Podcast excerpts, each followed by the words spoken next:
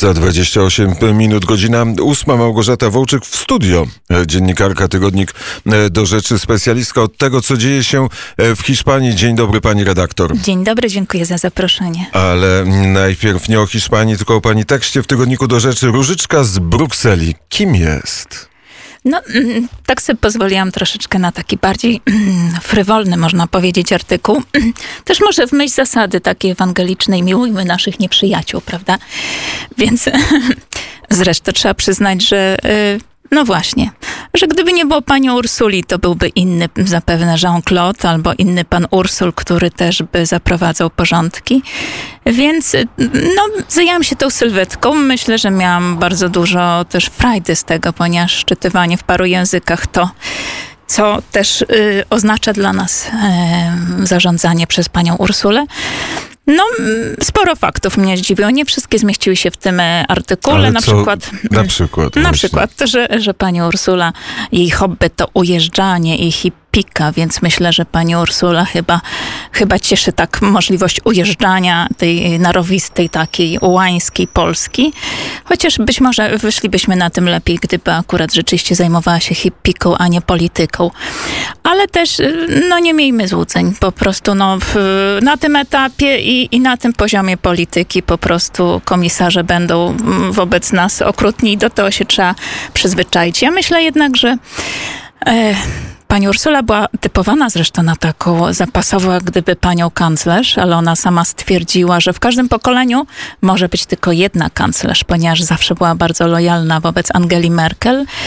I chociaż, no, jak gdyby wszyscy mówią, że miała ogromny apetyt na, na to kanclerstwo i była typowana, to jednak była bardzo lojalna zawsze wobec e, Angeli Merkel.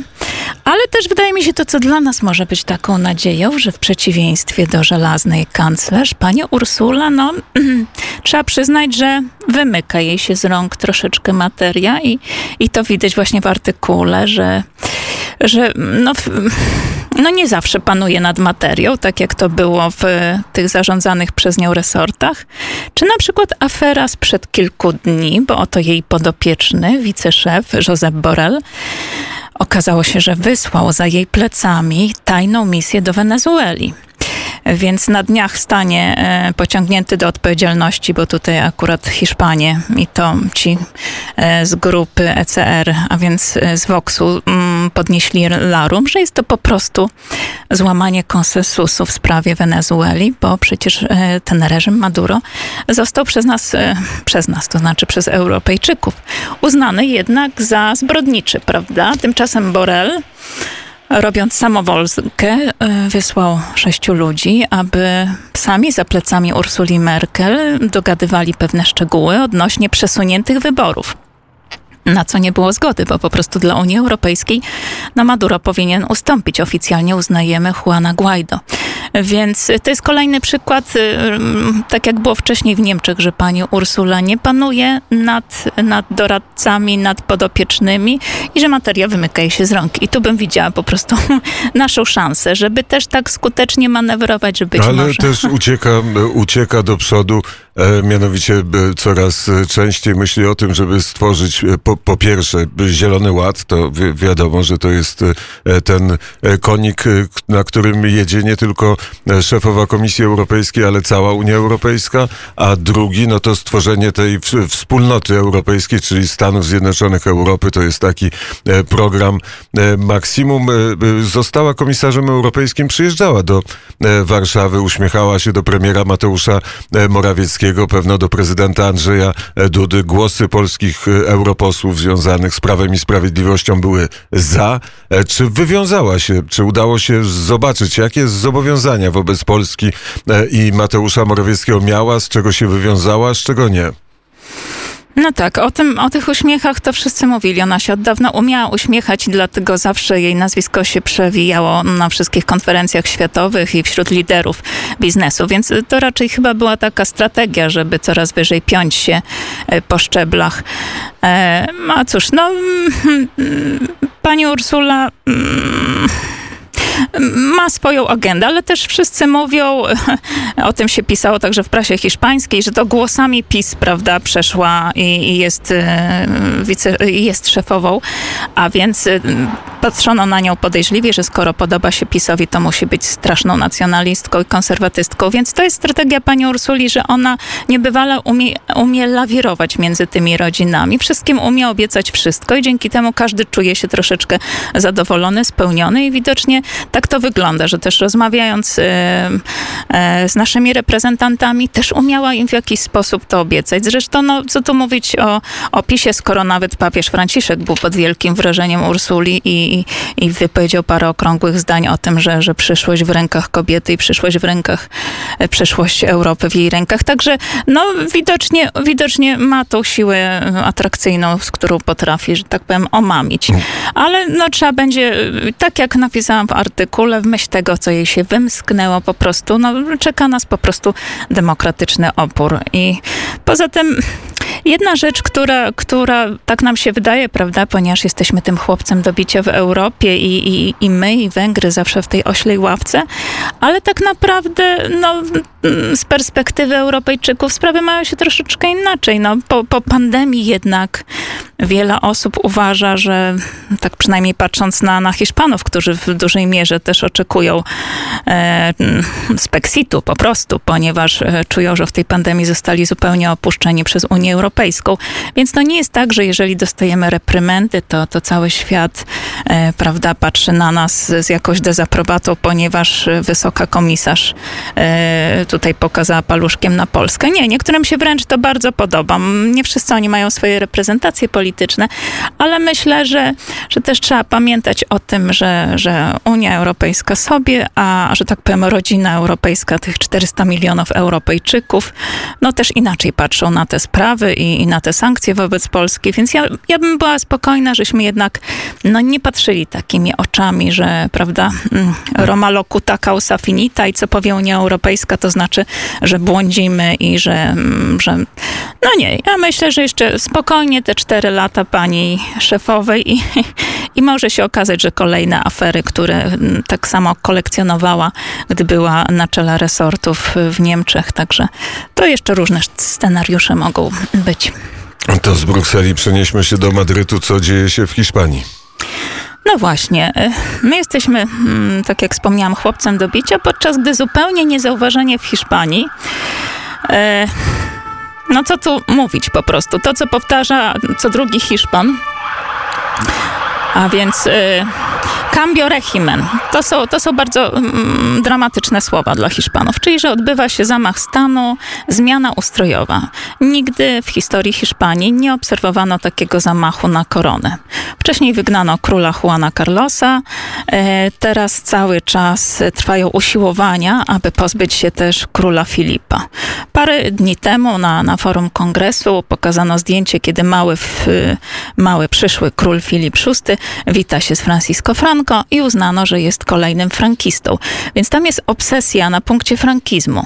Ale jest obsesja, ponieważ kraj jest w ruinie i wszyscy wiemy, że Hiszpania poradziła sobie najgorzej z pandemią. To jest kraj, który wyprzedza we wszystkich statystykach. Ma najwięcej ofiar śmiertelnych na 100 tysięcy mieszkańców, ma e, największy dług publiczny 115% PKB, ma największe bezrobocie i rząd po prostu wszelkimi usiłowaniami stara się odwrócić uwagę. W jaki sposób? W taki jak zawsze, czyli szuka winnych e, wojny domowej, otwiera groby, Chociaż ludzie ustawiały się w kolejkach po jedzenie, chociaż nie ma pieniędzy na wypłatę zasiłków, rząd postanawia przeznaczyć na zupełnie totalitarny y, projekt kolejne pieniądze. Więc ja myślę, że tak dużo mówi się o praworządności w Polsce, podczas gdy no, tam są ogromne kłopoty z praworządnością w Hiszpanii. Po raz pierwszy rzeczywiście Komisja Europejska zauważyła, że tam również do tej pory przez dwa lata była e, pani Dolores Delgado, była e, ministrem sprawiedliwości, a została prokuratorem, generalnym, zupełnie podporządkowanym premierowi. Na swoje nieszczęście premier Sanchez nawet rok temu w listopadowym wywiadzie w El Mundo po prostu szczerze wyznał, jak gdyby, no mówi, a od kogo zależy władza sądownicza? Przecież od rządu. I ponieważ wszyscy dziennikarze, prawda, zrobili miny zdziwione i, i kraj się zatrzymał, że premier Sanchez chyba nie wie o trójpodziale władz, więc następnego dnia on powiedział, że, że to jednak się przejęzyczył, ale po prostu on powiedział prawdę. Tam mm, władza sądownicza, Trybunał zupełnie podporządkowany rządowi, dlatego na przykład 40 skarg, które wpłynęło ze strony różnych związków zawodowych czy partii Vox z oskarżeniami od, od ludobójstwa przez kryminalne zaniedbania rządu, bo trzeba przypomnieć, że Hiszpania ma 56 tysięcy ofiar, z czego rząd cały czas jak gdyby nie uwzględnia 20 tysięcy ludzi, którzy umarli w domach starców. I to po prostu zostali skazani na śmierć przez rząd, ponieważ y, no, był zakaz dostarczania starszych ludzi z tych domów starców do szpitali. Podawano im leki na seda sedację, podawano im morfinę zamiast leków na koronawirusa. I o tym powszechnie wiadomo, ale, ale ponieważ Sąd Najwyższy, Trybunał jest podporządkowany rządowi, on wszystkie te skargi e, jak gdyby mm, usuwa i twierdzi, że materiał dowodowy jest niedostateczny, więc tam dopiero rzeczywiście można mówić o kompletnym braku praworządności. Powiedziała Pani o wielkim bezrobociu e, w Hiszpanii. Jaka jest e, jego, jego skala? Powiedziała Pani o kolejkach po jedzenie. Czy to jest kolejki te są w Madrycie? Kto stoi w tych kolejkach? Gdzie te kolejki są? Mm, to znaczy, Hiszpania rzeczywiście otrzymała sporo funduszy, myślę o 70 milionach, ale będą dopiero wypłacane w przyszłym roku. A rząd po prostu, ponieważ wchodził w pandemię nawet z ogromnym zadłużeniem, więc tym bardziej teraz nie radzi sobie nawet z wypłatą tych zasiłków dla ludzi czasowo pozostających na bezrobociu.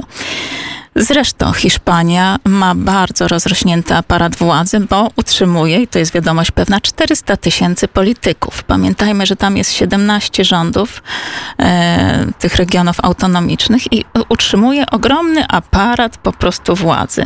Przez to też trudniej im zarządzać, bo po prostu kraj jest mm, podzielony między 17 rządów i, i w czasie pandemii to było trudniej zarządzać. Więc jest ogromna zapaść e, gospodarcza, zadłużenie sięgające 115%. Mówi się, że, że bezrobocie to jest 24%, w tym aż 40% wśród ludzi młodych. No oczywiście kompletna zapaść, bo, bo właściwie nie ma, nie było turystyki, prawda? Kraj się nie odbił, ponieważ no, było o 75% mniej turystów. E, także e, e, właściwie mm, no, ruch w hotelach, usługi, wszystko to zamarło. I mówi się o tym, że, że z tej ruiny no, kraj się długo nie podniesie i mówi się o tym wprost, że jest to najgorszy czas od czasu wojny domowej. A czy nastroje społeczne się zmieniły? Czy ludzie są bardziej skłonni do tego, żeby wymienić rząd lewicowy na prawicowy?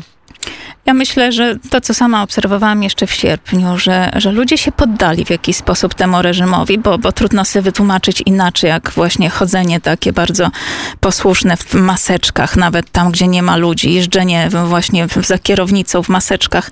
Także rząd troszeczkę zdołał na tyle zindoktrynizować, na tyle otumanić ten naród, że jeżeli w czasie rzeczywistych kolejek za jedzeniem rząd się bierze za znaki drogowe, ponieważ są e, zbyt maczystowskie, prawda, więc to jest problem dla rządu, rysunki na znakach drogowych.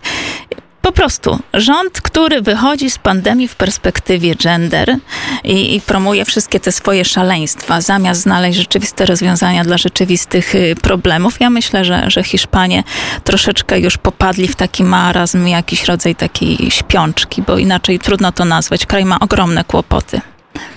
O czym e, powiedziała w poranku wnet Małgorzata Wołczyk. E, tygodnik e, do rzeczy jest godzina 7.45. Za chwilę połączymy się z Kijowem.